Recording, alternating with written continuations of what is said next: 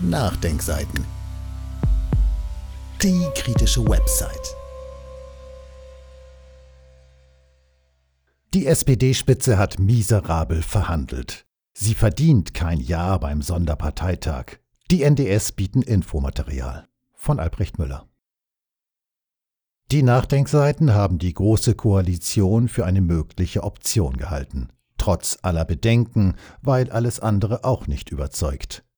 Aber das Ergebnis der Sondierungsgespräche ist so schlecht, dass man sich dafür fremdschämen muss, die Option Große Koalition befürwortet zu haben. Hier ein Kommentar der Rhein-Pfalz am Sonntag, eine informative und zugleich amüsante Ergänzung unserer Bewertung vom 12. Januar, die Sie auf unserer Website www.nachdenkseiten.de innerhalb des Artikels verlinkt finden. Hier nun der Artikel aus der Rhein-Pfalz am Sonntag. Zitat der unaufhaltsame Abstieg der SPD. Von den hochfliegenden Plänen der Sozialdemokraten ist nach der Sondierung kaum etwas übrig geblieben. Der Realitätsverlust ihres Vorsitzenden Martin Schulz ist erschreckend. Ein Kommentar von Rolf Gauweiler.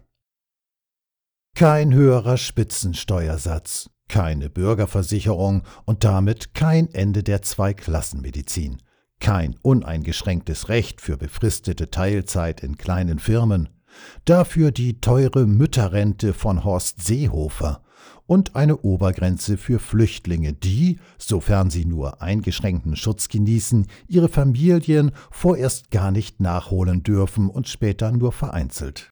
Diese Ergebnisse der Sondierungen für eine neue große Koalition mag man gut und richtig finden, nur Sie haben nichts mit sozialdemokratischer Politik zu tun. Aus Angst vor dem Tode bei einer Neuwahl begeht die SPD programmatischen Selbstmord, schlüpft unter die Schürze von Mutti Merkel, um Zeit zu gewinnen. Vor Tische las man's anders. Nach dem Scheitern von Jamaika konnten Spitzensozis vor Kraft kaum laufen. Karl Lauterbach, Ralf Stegner, Andrea Nahles und andere drohten, jetzt werde die Union einen hohen Preis für eine Regierungsbeteiligung der SPD zahlen müssen. Es ist anders gekommen. Die Union hat die Rechnung mit kleiner Münze beglichen. Trinkgeld. Der auf lange Zeit letzte sozialdemokratische Kanzler Gerhard Schröder hat über seinen grünen Koalitionspartner gesagt, klar sei, wer Koch ist und wer Kellner. Die heutige SPD füllt die Rolle des Hilfskellners prima aus. Parität bei der Arbeitslosenversicherung, Solidarrente und kostenfreie Kita sind da bestenfalls ein kleiner Gruß aus der sozialdemokratischen Küche. Erschreckend ist der Realitätsverlust von SPD-Chef Martin Schulz. Am Wahlabend des 24. September gab er den brüllenden Löwen, der die Kanzlerin nun aber so richtig jagen und erlegen wird. Inzwischen ist der Löwe als Bettvorleger im Schlafgemach der Kanzlerin gelandet und will den Leuten wirklich weismachen, die SPD hätte 80 Prozent ihrer Ziele erreicht.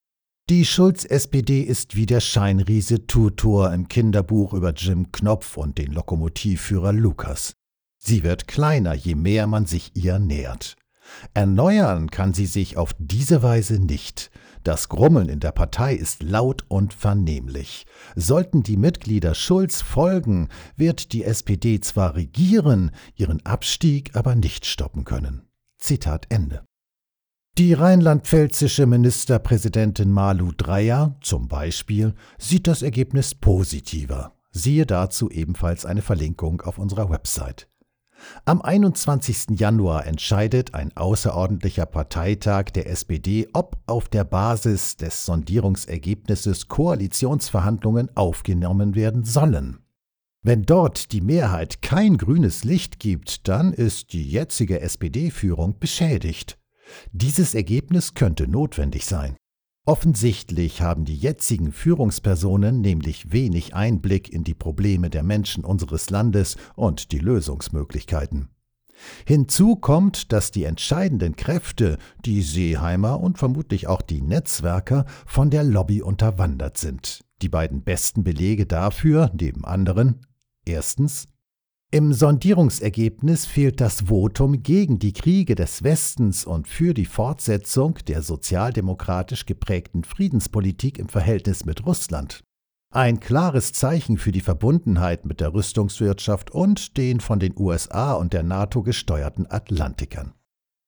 Zweitens die mangelhaften Vereinbarungen zur Rente zeigen, dass die SPD-Führung wie auch die Union der Versicherungswirtschaft das Geschäftsfeld Privatvorsorge offen halten will. Eine SPD-Führung, die maßgeblich aus Lobbyisten besteht, verdient keine Schonung. Und mit einer solchen Führung wird die SPD das 20% Ghetto nicht nach oben verlassen können.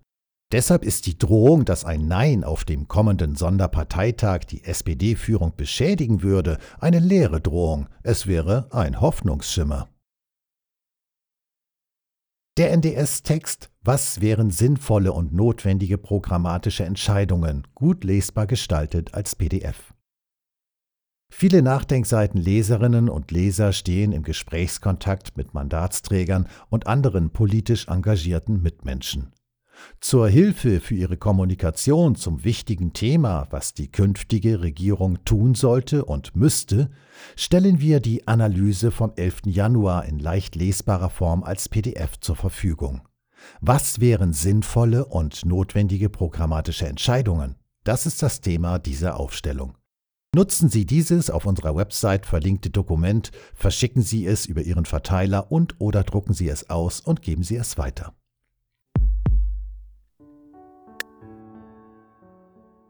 Dieses Audio konnte nur entstehen, weil zahlreiche Leserinnen und Leser die Nachdenkseiten fördern und durch Spenden unterstützen. Wenn Sie auch etwas tun wollen, klicken Sie einfach den entsprechenden Button auf unserer Website an. Übrigens, Sie können uns auch bei iTunes und SoundCloud hören und wenn Sie mögen, dort eine positive Bewertung für uns abgeben. Wir freuen uns über jede Hilfe.